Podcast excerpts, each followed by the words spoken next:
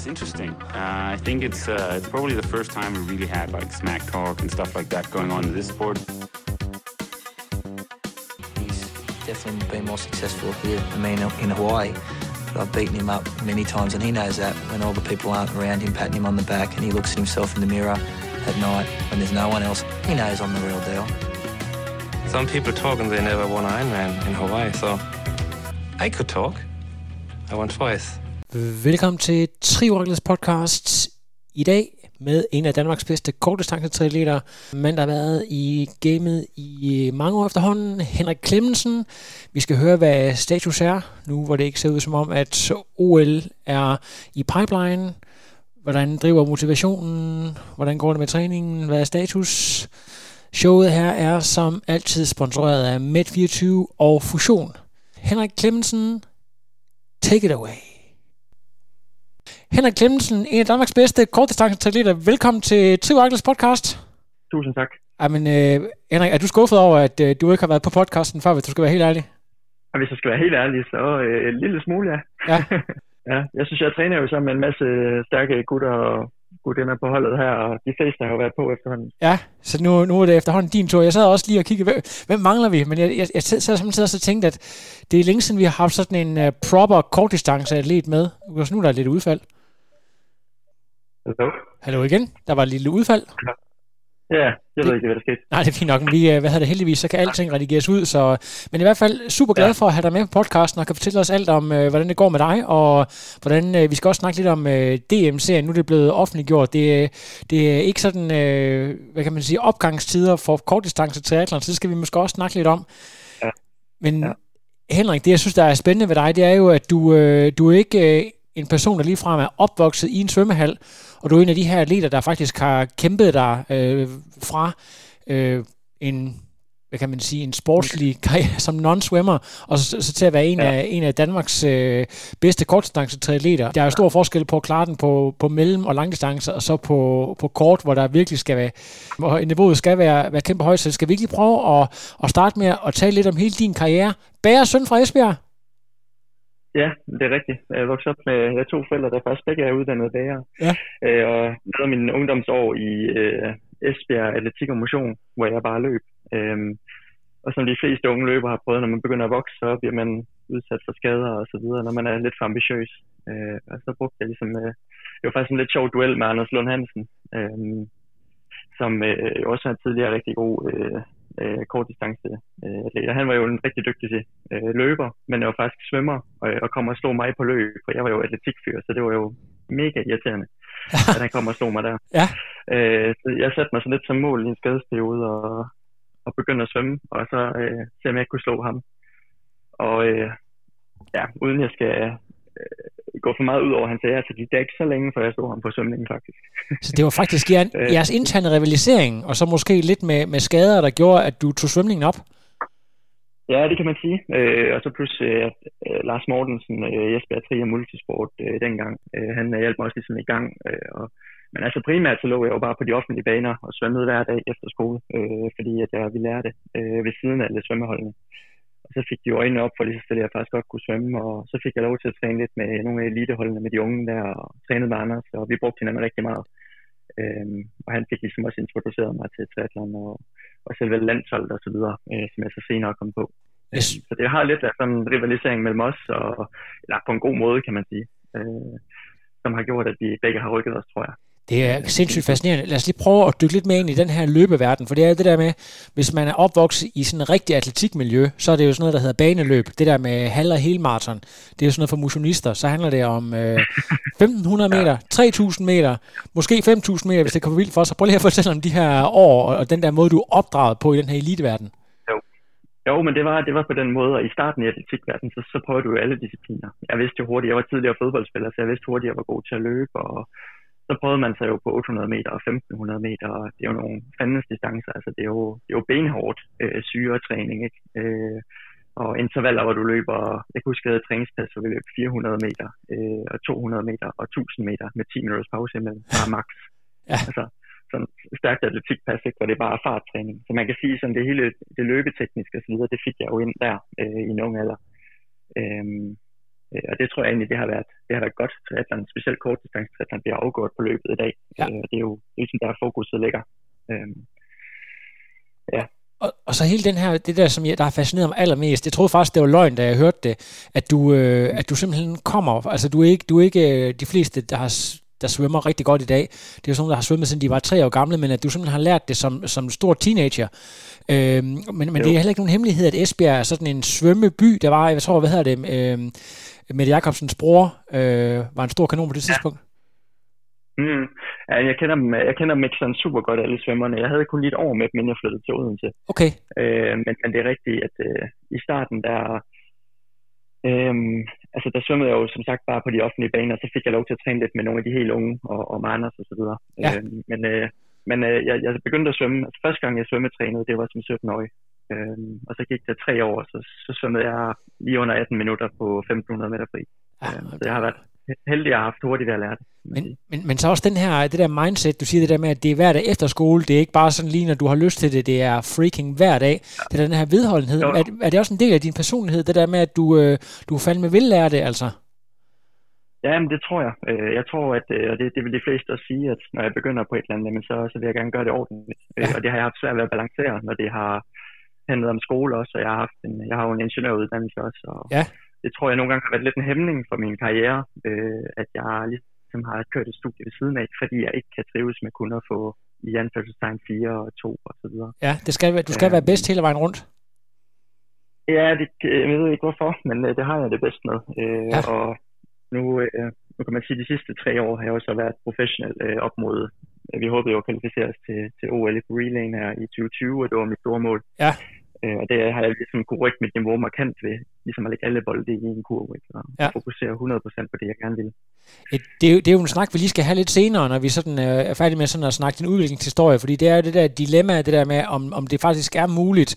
Øh, det er jo, hvad kan man Ja. sige, en diskussion, som man har troet meget på i Danmark, det her med at øh, lave den her dual career, hvor nordmændene, ja. de så har gjort den anden, det der, siger, vi dropper det, der hedder ja. Ja.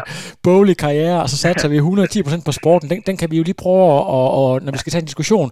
Men, men øh, er, jeg, er jeg fuldstændig fejlinformeret, Henrik, når jeg tror, du også har været inde omkring Fredericia på et tidspunkt? Øh, hvad tænker du, Fredericia Triathlon Team? Ja. Har du ikke repræsenteret dem på et tidspunkt, eller gik du direkte til Odense efter øh, Esbjerg-årene? Jamen, jeg er faktisk øh, jeg har fortsat i Fredericia Triathlon Team øh, og på holdet der, og Ja. de har støttet mig ja, siden øh, 13, jeg flyttede herover øh, i, til Odense, så jeg er egentlig stillet op for dem sammen med ja, Andreas Schilling og Emil de Lorang og Albert Kær. Ja. Øh, Men, men, men, men hvordan, ja. hvordan, kom, hvordan kom det i, i spil? Var det, altså, er det en, en økonomisk... Øh, hvad kan, har du været inde og været trænet af Boris på et tidspunkt, eller, eller hvad har dealen været der omkring Fredericia? jamen altså, øh, der var jo noget, der hed DM Hold, og der synes vi, det kunne være sjovt at gøre det godt og kæmpe Ah, lidt mod. UTK, kan. Øh, og der, der snakkede jeg meget med Andreas og, og Emil i sin tid om, øh, det kunne være sjovt, hvis jeg var på holdet, og vi har altid harmoneret godt og trænet godt sammen. Ja. Så det var egentlig lidt det venskab, kan man sige. Og så Ja. tog de mig rigtig godt imod mig i klubben, og det var en fantastisk klub derovre. Jeg har, det er ikke længe siden, jeg var over at træne med dem, øh, og træne nogle af de unge, og et fantastisk miljø. Det er sjældent, man ser så mange være samlet. Altså, vi snakker 50 unge mennesker øh, til triathlon-træning, specifikt triathlon-træning. Det er lige præcis det. Øh, Det er meget unikt Ja, for, det- for danske forhold, kan man sige. Bestemt. Og det var ja, fantastisk at være en del af, og de har virkelig været en stor støtte i min karriere også. Ja. Øh, indtil nu. Og så, hvad det, så, så var jeg lige ved at sidde og smugkigge lidt på alder. Det er jo, øh, du er jo 26 nu og bliver 27 til efteråret, men, øh, men dig og Andreas Schilling ja. er også nogle af dem, der sådan er mest jævnaldrende. Der er lige et lille spring på en 3-4 år ned til, de, øh, til dem, der er sådan, øh, på samme niveau som dig, som, altså aldersmæssigt. Ja, jamen det er rigtigt, ja. Vi er, jeg er ved at blive en del af den gamle liga her. Den gamle. ja.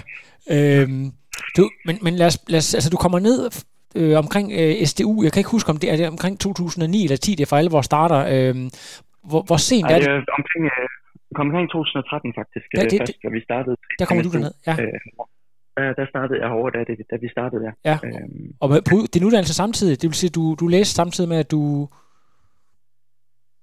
Ja, men så startede jeg på en ingeniør, øh, diplomingeniøruddannelse øh, på det tidspunkt. Ja. Øh, og det er sådan det er en tre en halv år i sådan professionsbachelor. Og den læste jeg så sideløbende med, øh, med, med, med sige, sådan, øh, karrieren. Ikke? Ja. Og den færdiggjorde jeg så på, på fire år, øh, hvor jeg var et smut i Australien også et halvt år øh, på et tidspunkt. Ja.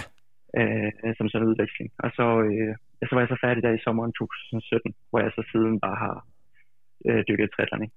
Ja, øh, men jeg kunne godt tænke mig, altså vi skal lige prøve at tale øh, om det her med at være sådan lidt stræberisk anlagt, det her med, at man gerne vil gøre det godt på, på begge fronter. Ja. Men, men der har ikke, mm. altså, det er ikke nogen hemmelighed, at øh, for dig har det garanteret været en drøm at jagte det her OL-mål. Det er ligesom det, som øh, Tri-Team SDU er bygget til at producere nogle OL-atleter, og øh, det var også tæt på med nogle af pigerne, og så Andreas Schilling, og du, øh, du manglede måske sådan lidt de, de sidste procent, men øh, har det været et ultimativt mål, eller har du også kunne øh, sætte dig nogle, nogle mål om for eksempel DM, og øh, gøre det godt i Bundesliga og så videre? Hvordan, hvordan har du sådan, øh, hvordan har dine ambitioner rykket sig over årene, hvis du kan snakke lidt om det?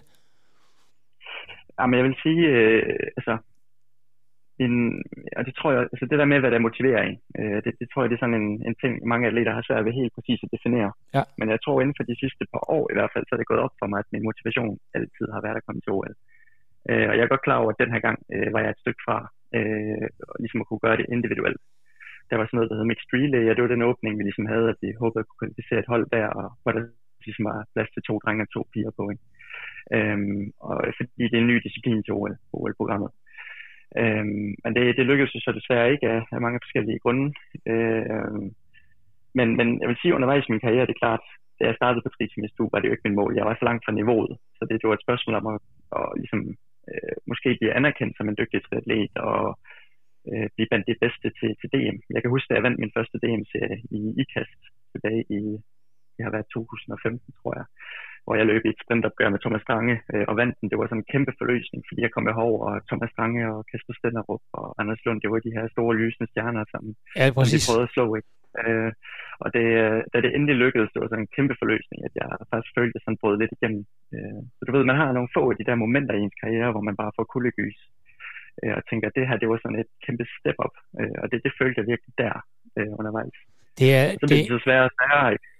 Ja, må, må man lige stoppe dig der, Henrik, ganske kort, fordi at jeg kan tydeligt huske det her øh, sprintopgør, hvor du slår Strange øh, Stenderup, Stenderup der, som øh, jeg tror, der var sådan kåret som årets talent et par år i forvejen. Stopper karrieren mm. øh, som aktiv på eliteniveau, og Thomas Strange, han øh, slår op i banen og satser på øh, halvdistance. Det vil sige, at han, han måske erkender over for sig selv, at, at kortdistance er ikke der, hvor han ligesom... Øh, hvad kan man sige, skal gøre det. Men du bliver altså hængende. Er det også et eller andet, der fortæller dig ja. det der med den der vedholdenhed øh, på et eller andet niveau slår de der lysende talent? Det er også lidt det, man kender fra fodboldverdenen måske. Jo, men det er jo svært at sige. Altså, jeg tror også, det er et spørgsmål om, hvor ens uh, ligesom, skældsæt ligger, fordi at, sådan som Thomas Stange, han har jo altid været vanvittigt dygtig på cykling, øh, og det, man kan sige, at mine kompetencer ligger mere i svømmehallen og på, på løbebanen, ikke? og det, øh, det tror jeg, det passer bedre til kort distance, ja. hvis man har den ekstra fart der. Så jeg tror også, det har noget med det at gøre. Øh, men, men jeg vil så sige, at vedholdenheden, altså, man kan sige, hele OL-kvalifikationsperioden her, det var jo også et stort udskillelsesløb, en masse, ikke? Og jeg tror, det er ligesom at virkelig tro på projektet og gå all in på det. Det var altafgørende for, at jeg egentlig kom så langt, øh, som jeg gjorde i det, øh, kan man sige, sidste OL-kvalperiode her. Øhm, så altså, ingen tvivl om, jeg har en, en vis vedholdenhed. Ikke? Og det er også det, som kommer til at gøre sig gældende den næste periode her. Men ja. det kan vi måske snakke snakke om senere. Ja, lige præcis. Øh, en anden ja. lidt smertefuldt, øh, en smertefuld hændelse, jeg kan huske, det tror faktisk, det var sidste år i Herning, øh, til en del af det, men ja. serien, hvor du faktisk øh, slår hele eliten, og det er en meget, meget kaotisk race, ja. øh, hvor, du, hvor, ja. vi, hvor vi i lang tid tror, at du faktisk har vundet, øh, og en af dine sådan, øh, closest øh, competitors, Emil, øh, ja, du, du har sprintopgør med, ja. jeg tror det er Emil, og så er det øh, Røsner. ja. øh, prøv lige at fortælle om, om episoden der, for jeg tror selv, jeg stod og speakede den dag, der. Det var meget dramatisk. Ja, det gjorde du. Ja, men det er rigtigt. Øh, det var, ah, det, den sidder stadigvæk lidt i mig. Det var lidt irriterende, for jeg var faktisk blevet dansk mester, hvis jeg havde fået den der.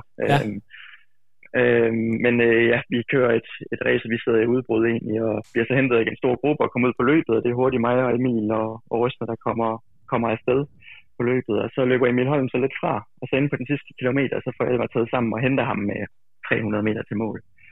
Og så, øh, altså, igen, det er sådan lidt den opmåling af, du har Challenge Herning, og så har du kort distance DM inden, og der var jo noget, der var klar. Altså, der stod hegn alle vejen, og der var fire veje, man kunne løbe, og der var flere gange, vi måtte have hjælp for at finde rundt på ruten. Øhm, og så i en hektisk sprintopgør, og jeg begynder at spurte den, så kommer jeg til at løbe forkert rundt om et hegn, øh, og kommer på ydersiden.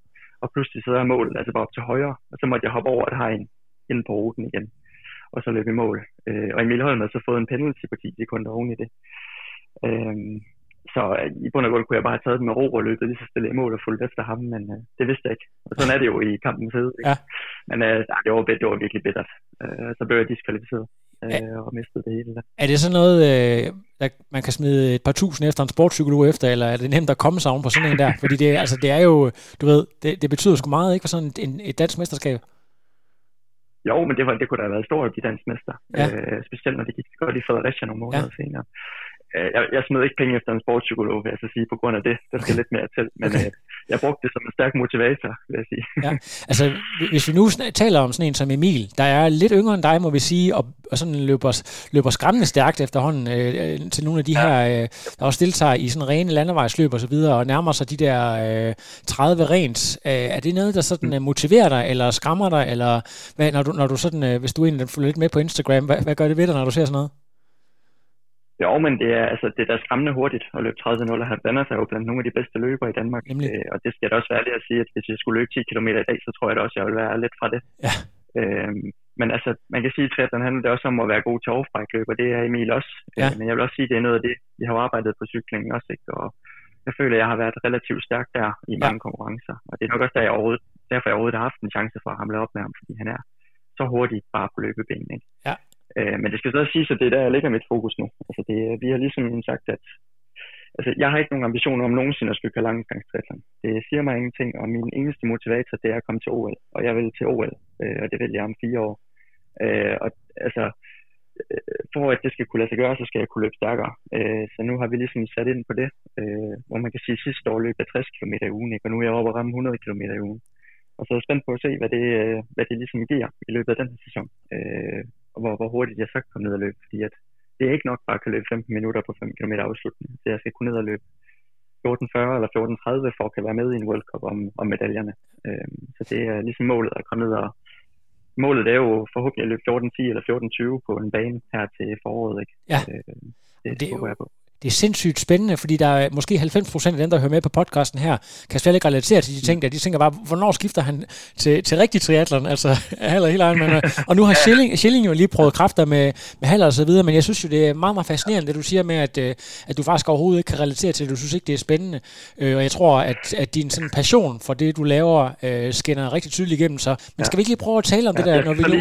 Ja? Jamen, jeg, vil, jeg vil meget gerne slå fast, at jeg har, altså, jeg har dyb, dyb respekt for, øh, for langdistancetriathlon og halv, halv Ironman og hele Ironman. Altså, jeg må også sige, jeg ved ikke, Andreas havde måske ikke det perfekte race, da han kørte i Dubai nu her, men jeg har kørt med Andreas mange gange og træner med ham og ved, hvor sindssygt stærk han er. Og, og det, at han ikke gik ned og simpelthen vandt det der, det er, det er dybt altså, overrasket over og forundret over, hvor højt niveauet er. Øh, så ikke for at tage noget credit for det, det er bare min motivation ligger i at komme til OL. Ja. Og det, det er ikke, fordi jeg ikke synes, det er sejt, Fedt. Øh, men vi skal lige prøve at tale lidt omkring øh, det her med at holde motivationen, og øh, det her med, med DM, fordi der, altså, der er vel ikke nogen hemmelighed i, at på elite-niveau, øh, måske endda også på age niveau så er kort tri lidt i en krise. Der er et enkelt stævne her i, øh, i maj måned, hvor øh, der bliver afholdt øh, DM på draft og mixed relay på en og samme dag, og så er det sådan set slut. Øh, hvad, altså, hvad, hvad sådan en, der betyder det, at det er nedprioriteret, og man i stedet satser på at køre for nogle tyske klubber, eller hvad, hvad, hvad betyder det for dig? Har det, har det overhovedet noget at sige, fordi du måske tænker meget mere internationalt? Jamen, altså, jeg synes jo, det først og fremmest, jeg synes, det er ærgerligt, fordi jeg synes, det er en, det er en fed sport, og jeg synes jo, alle burde måske starte ud på de korte distancer for at få styr på det tekniske med skifte og få ja. den her kick, man får af hver gang i en time og så videre. Øh, på et personligt plan, så har jeg da tænkt mig at, at deltage øh, i ringe, hvor, hvor DM Kort 3 øh, kommer til at afholdt i år for først og fremmest bakke op om det, fordi at DM er et enkelt stævne i år, som er muligt at planlægge i en travl stævnekalender. Øhm, jeg synes, det er ærgerligt, men jeg vil sige personligt, øh, altså, de fleste af mine stævner de sidste par år har jo været i udlandet. Øhm, og jeg har lige deltaget i Fredericia for min, for min klub, som er et fantastisk stævne. Øh, det bliver så desværre ikke afholdt, så det jeg ved, i år. Øhm, men øh, altså på et personligt plan, så er det ikke, øh, det er ikke fordi, det betyder sådan sindssygt meget øh, for min karriere, øh, men jeg ville da ønske, at vi havde en, kan man sige, en liga som i Frankrig eller i Tyskland, ja. hvor der møder så mange internationale stærke folk op, for det tror jeg, det vil være med til ligesom at yngle flere rigtig dygtige kortdistanceatleter i Danmark. Øh, det, det, tror jeg, det er det, der skal til, for det er langt at rejse derned og få kontakt til en manager og klub, og i stedet for en ung, håbefuld triatlet. Ja. Øh, men der er lang vej til at skabe sådan, et, øh, sådan en liga. Men øh, kan, man, kan man på den anden bane sige, at i forhold til, at du har en serie, hvor øh, der ikke er sådan helt det samme cut-edge øh, drama på spil hver gang, mm. det er DM afgøres på en dag, ligesom i gamle dage, hvor det er all on the line. Øh, giver det ikke også et eller andet? Ja. Er det ikke også fedt på en eller anden måde? Og jeg synes, det er super fedt. Ja. Altså, og så er, det, så er det den rigtige, der vinder, kan man sige. Ja. Øh, det er den, der kan præstere på dagen, øh, og ikke hvem, der lige kan møde op for når og så videre. Ja. Øh, no, no offense til den, der har vundet de sidste gang, men øh, øh, jeg glæder mig til, at det bare en enkelt dag, og så komme ned og give den gas, og så må vi se, om der er den stærkeste der. Ja, præcis. Øhm, jeg, jeg synes, det, det vi startede med at snakke lidt om i starten, det der med, at du måske har været sådan lidt din egen værste fjende i forhold til at lave en, en god karriere. Øh, du har en ekskæreste, mm. der hedder Ditte Christensen, som øh, desværre er stoppet, eller hun har i hvert fald sat triathlon på pause. Og det er også ja. en, en øh, pige, jeg har interviewet flere omgange, hvor det også har været en snak omkring det her med, at øh, hun kan simpelthen ikke stoppe med øh, den der behov for og lyst til at være nummer et i alt, hvad hun laver. Og øh, hun sagde faktisk lige nøjagtigt, fordi jeg har lavet en lille smule research i forhold til det her interview, at øh, mm. hendes vurdering er, at I to ligner hinanden utrolig meget i forhold til at være mega ambitiøse med alt, hvad I laver. Og, og nu synes jeg bare, det er ja. spændende, at du fortæller mig nu her, at, at det, det har måske givet en lille smule bagslag, og det gjorde det også for Ditte, det der med, at øh, hun fandt mm. ud af, at, at øh, det faktisk var altså faktisk nærmest umuligt at have en øh, elite-studiekarriere, ja. og så køre øh, ja. En, en sportskarriere samtidig. Øh, ja. Prøv lige at sætte på på det. Ja, men jeg, altså, jeg er meget enig, øh, og jeg tror, at for os begge har det været det, at det har været, øh, det har været svært at kombinere det, fordi man er, er så perfektionistisk på en eller anden måde, øh, og vælger det så meget, fordi der er så mange ting, der er spændende i livet, øh, og det er også derfor, jeg ikke har nogen forventninger om at køre langdistancetriathlon, for jeg vil meget i mit liv. Jeg vil også have en erhvervskarriere på en tidspunkt. Ja. Øh, så tror jeg også, øh, hun havde det, men øh, øh, i forhold til at have en elitesportskarriere og tage et studie, det tror jeg sagtens, det kan lade sig gøre i nogen sportsgren. Øh, men i triathlon, hvor der er tre sportsgrene, der skal ligesom, øh, øh, vedligeholdes hele tiden, og man skal forbedre sig på, altså, der tror jeg, at nordmændene har den rigtige indstilling. Øh, man bliver nødt til at gå all in på det, hvis du vil det her. Fordi at der er så mange internationale folk, der går ind all in på det. Det er det, vi konkurrerer imod. Og hvis du ikke er villig til det, så kommer, altså, du bliver ikke god nok, fordi du kan ikke restituere ordentligt. Og det er jo det, jeg har kunnet mærke de sidste år. Jeg har rykket mig markant mere, øh, når jeg ligesom har kunne fokusere på træningen. Ja. Øhm, og det sjove er jo, nu stod vi, jeg stod lidt i en krise efter, at hvad kan man sige, OL-kvalden øh, missede. Øh, jeg vidste ikke, hvad jeg skulle med mit liv, så jeg tilmeldte mig en, øh, en uddannelse igen, og startede for tre uger siden.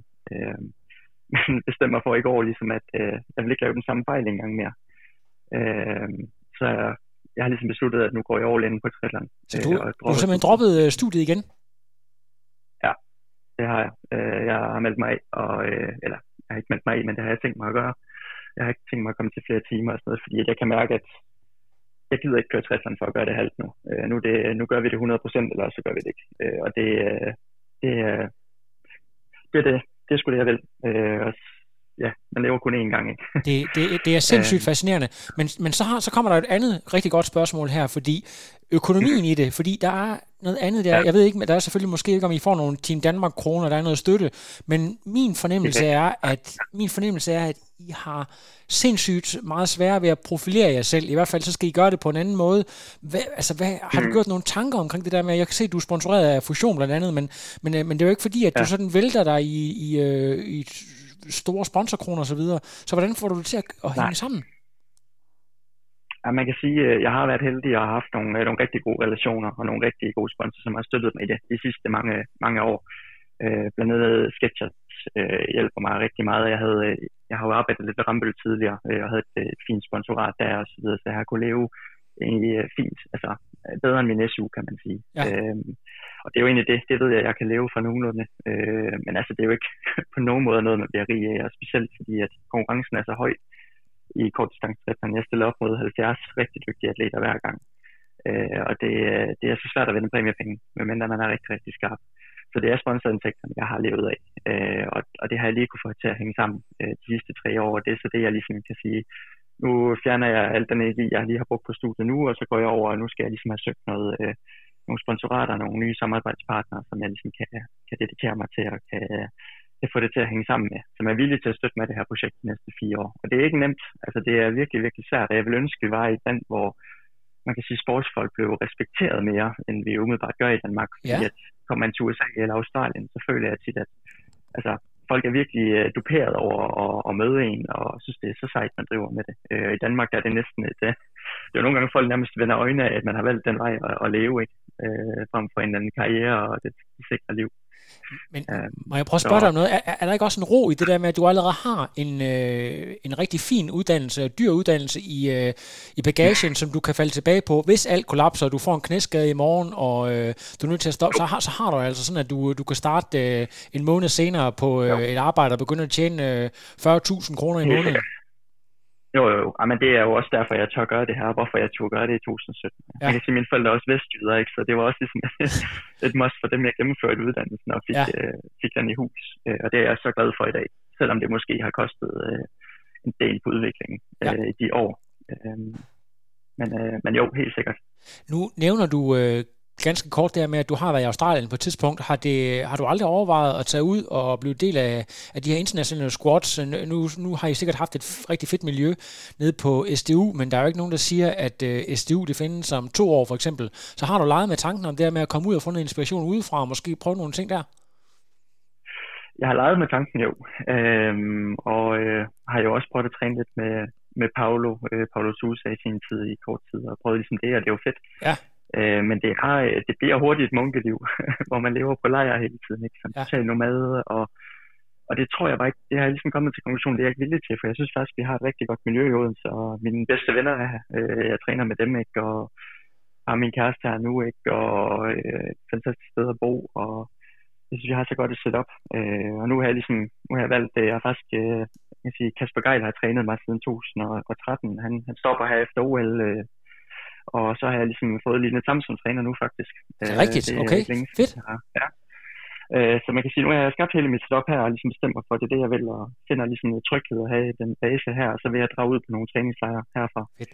Øh, så det er den vej, jeg ligesom har valgt. Øh, ja. Der er så nogle andre, der vil foretrække at komme ud til en international gruppe, men øh, det tror jeg bare ikke, det er det rigtige for mig. Nu kommer der lige et sidste spørgsmål, jeg måske får på puklen for, men det der med, at øh, man har en, øh, en mand til at stå på sidelinjen, øh, og det er, altså det, sportsverden kan godt være sådan lidt macho, øh, og nu betvivler jeg overhovedet ja. ikke øh, kvindelige træner. Der er masser af, af gode, dygtige Cyril Lindley.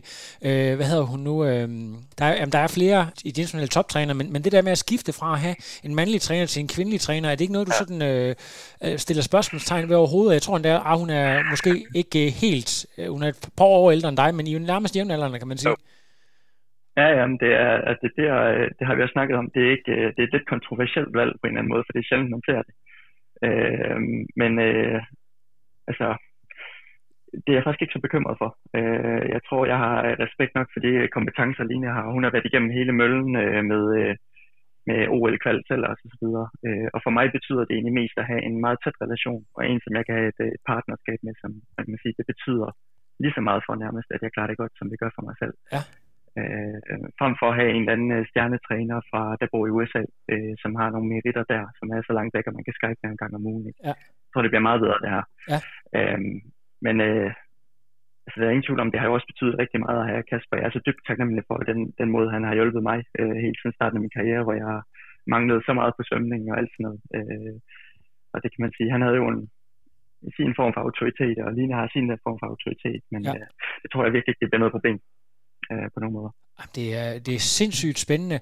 Ja. Så kom, der kommer så lige et andet spørgsmål her, fordi at, øh, du snakker lidt omkring jeres sammenhold, og øh, de fleste atleter, som øh, jeg snakker med, så vil jeg jo gerne vide, fordi det måske er mange lytterne, der kan relatere til det der med, hvis du har et arbejde, men, men når vi snakker elite-elite, hvor I ikke skal lave andet end at mm. træne, kan du så prøve at skitsere nogle af jeres sådan mest typiske pas og nøglepas i løbet af ugen, og, og hvad der er så, øh, der er med til at sætte standarden så høj, hvis du sådan kan prøve at beskrive øh, nogle af jeres nøglepas i løbet af sådan en uge? Jo, det er noget, der er blevet udviklet meget gennem årene herovre, og de har ændret meget karakter. Øh, jeg tror noget af det, vi er gået over til nu her, det er, at vi har en gang om dagen har vi egentlig et nøglepas, vi træner samlet, hvor der er noget intensitet på en eller anden måde. Men det vi er begyndt på er egentlig at træne mindre intenst. Øh, vil jeg næsten sige, sådan lidt højere mængde. Øh, så for eksempel kan det være mandag svømning, det kan være øh, 15 gange 200 meter, hvor vi ligger i sådan et, et, et tempo lige under syregrænsen. Ikke? Øh, så man egentlig bare ligger og buller derudad. Øh, tirsdag har vi noget øh, tærskeløb. Det kan være sidste uge, der løb jeg sammen med Miki og Thomas Strange, øh, hvor vi løb 30 minutter i 4 minutter per kilometer, og 20 minutter i 3 minutter og 30 per kilometer, og så slutter jeg af med 10 minutter i, ja, 3 minutter og 10 per kilometer, ikke? Bare ud i en køre. Det er sådan rigtig udtrættende, øh, ja. men man kommer ikke op og rammer syregrænsen og træner den der høje fart, som jeg gjorde i atletikken. Øh, onsdag så bare sådan en mængdedag, løber to timer og 10 minutter i alt, øh, og får svømmet en enkelt gang ind imellem, ikke? Så det er så to løbepas, jeg bare delt det over i.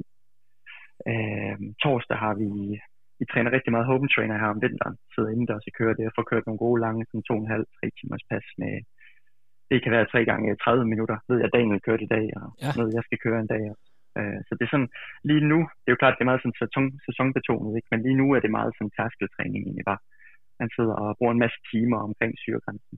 Øh, så det er sådan lidt i den dur. Men, men, men det der med, du siger, at du kan mærke, at du har været om en del år efterhånden, der er sket en ændring, og så tænker folk, jamen, er det, ja. bliver, det, bliver det hen mod, hvor Kasper han ved, at resultaterne bliver lavet, for eksempel øh, nordmændene, at, at de måske træner en del mere, men så med lidt mindre mm. intensitet. Er det, er det det, der inspirerer, eller er det det, som de laver i Spanien, eller i... Øh, i altså, det, hvad, hvad, hvad tror du, der, der påvirker ja. jeres gruppe, eller er det bare det, der, der virker for gruppen? Hvad tænker du? Jamen, øh, jeg ved ikke præcis, hvad der har været inspiration, men jeg er ikke i tvivl om, at, øh, at øh, den norske model, den er blevet taget meget i betragtning. Øh, både i forhold til sådan laktatmålinger under træning, så vi ved, at de ikke træner for intenst, og det er at træne højere mængde. Vi er ikke helt op at træne på den, hvad kan man sige, der er jo nogle gange, de træner langt over 30 timer. Det tror jeg, nogle af langdistancefolkene gør her i Odense også. Det er det, jeg er ikke helt op på. Øh, der har jeg lidt mere intensitet i træningen. Øh, men jeg er helt sikker på, at den norske model har været en inspiration i hvert fald. Ja. Øh, om det er 100% af det, det, det tror jeg så ikke. Men, øh, men det er det, den retning, det er gået med årene. Så du ligger øh, sådan øh, mellem 25 og 28 timer om ugen? Ja, det ligger der omkring ja. lige nu. Øh, Ja, det gør det. Jeg kunne lige se, at uh, Anne Holm, hun havde lagt 29 timer op, og det er ikke fordi, at der sådan skal være en krig mellem uh, Stor Hedinge og, og Odense, og hvad det ellers foregår, men det, det, for, det forbløffer mig bare, at uh, de her hardcore kortdistancepecialister alligevel træner så mange timer, fordi det, altså, det er jo alligevel de færreste uh, Ironman-atleter, der træner de der lige under 30 timer. Så er det, er, det en mis, er det en misforståelse, at bare fordi man træner kort, så er det altså ikke ens betydende med, at den ikke får en ordentlig ind på, på Sinkadusen? Jeg vil sige, det er en, det er en misforståelse, hvis man tror, at vi ikke gør det. Øh, det jeg tror jeg, vi har fundet ud af med tiden, at det er det, der skal til. Ja. Jeg tror, det er et spørgsmål om, hvor meget belastning kroppen kan holde til. Intensitet er så hårdt for kroppen, ikke? Så for at få man kan sige, total belastning op, øh, og, og kroppen kan, kan holde til det, så det er man nødt til at træne lidt mere, altså lidt mindre intens og lidt større mængde. Det er i hvert fald fungerer nok igen på hvilken type atlet man er, men øh, øh, vi ligger rigtig mange timer. Øh, det, det gør vi. Det, jeg ved ikke, om det stadigvæk er sådan, det forholder sig, at man snakker om, som du også sagde, at på kort distance, så er løb og svømning utrolig vigtigt, at det er der, hvor hovedfokus ligger, mm. og så cykling, det er sådan lidt mere bare fyld, eller, eller har du en fornemmelse af, at det er også skiftet til, at, øh, at cyklen også bliver prioriteret ret meget i træningen? Ej, men cykling bliver prioriteret rigtig meget, og det bruger vi rigtig meget tid på sidste år, fordi at, at netop cykelniveauet er blevet så sindssygt højt, øh, og mange af af ruterne øh, er jo blevet meget tekniske og meget kopieret og meget udfordrende. Så man kan sige, at cykling er blevet, man siger, det er som Alistair Brownlee, som har præget det meget, ikke, og har gjort det til en faktor, at man ikke bare sidder og ruller rundt. Altså, der bliver jo virkelig trykket til den. Ikke? Ja. På en anden måde som i lang distance. Det er meget, øh, vil sige, meget stor udsving i vandet, og man skal kunne køre mange accelerationer hele tiden. Ja. Øh, det minder lidt mere om, måske om cykelløb. Øh, så det bliver uden tvivl vigtigere. Øh, men for at man ligesom kan gøre sig gældende på kort tid, så kræver det, at du er en rigtig dygtig sprinter i svømning, og du er rigtig dygtig til at kan løbe, løbe stærkt afsluttende. Ja. Øh, så, så det kræver ligesom nogle tekniske færdigheder der også i hvert fald. Øh, frem for bare en kæmpe stor aerob kapacitet. Ikke? Kanon før vi skal lige øh, vende, vende sponsorer og sådan nogle ting der, så øh, kommer jeg til at tænke på, ja. nu er det jo OL-år, og det kan jo godt have nogle fordele i og med, at øh, mange af de aller, allerbedste, de bliver væk fra, fra nogle af, sådan, af de her øh, Europa Cups, World Cups osv. Øh, ja. det, det måske er mm. lidt nemmere at komme til. Er det, er det noget, øh, dig og, og din øh, dit trænerteam har overvejet i forhold til at kunne få nogle øh, lette point, sejre, øh, præmiepenge osv.?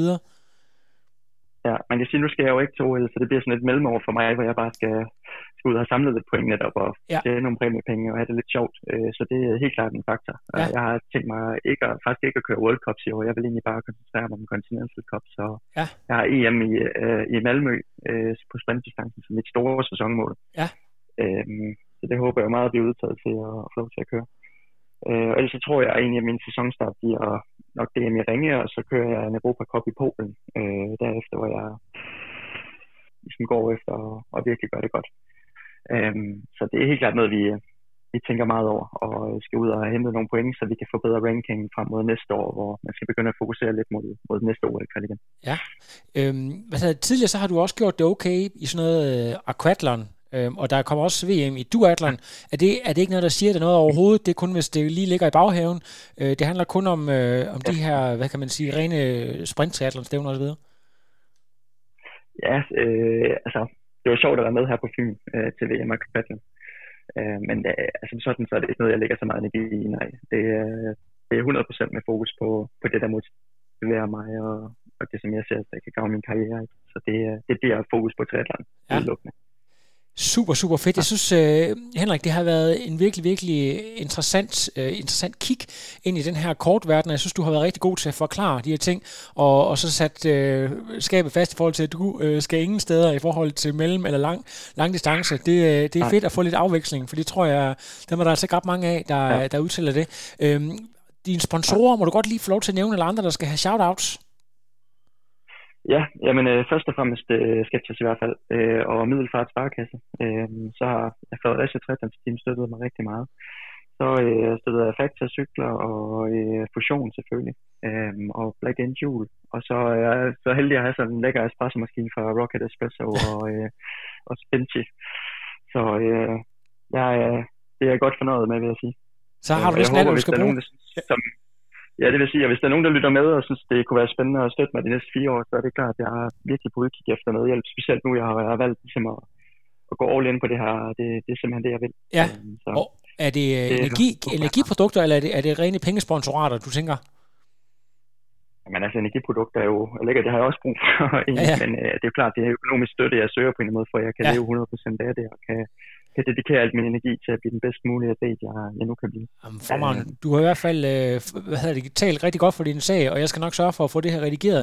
Så hvis du har øh, fået lavet nogle lækre billeder, så skal jeg nok øh, få det sat op på Instagram, så det ser godt ud.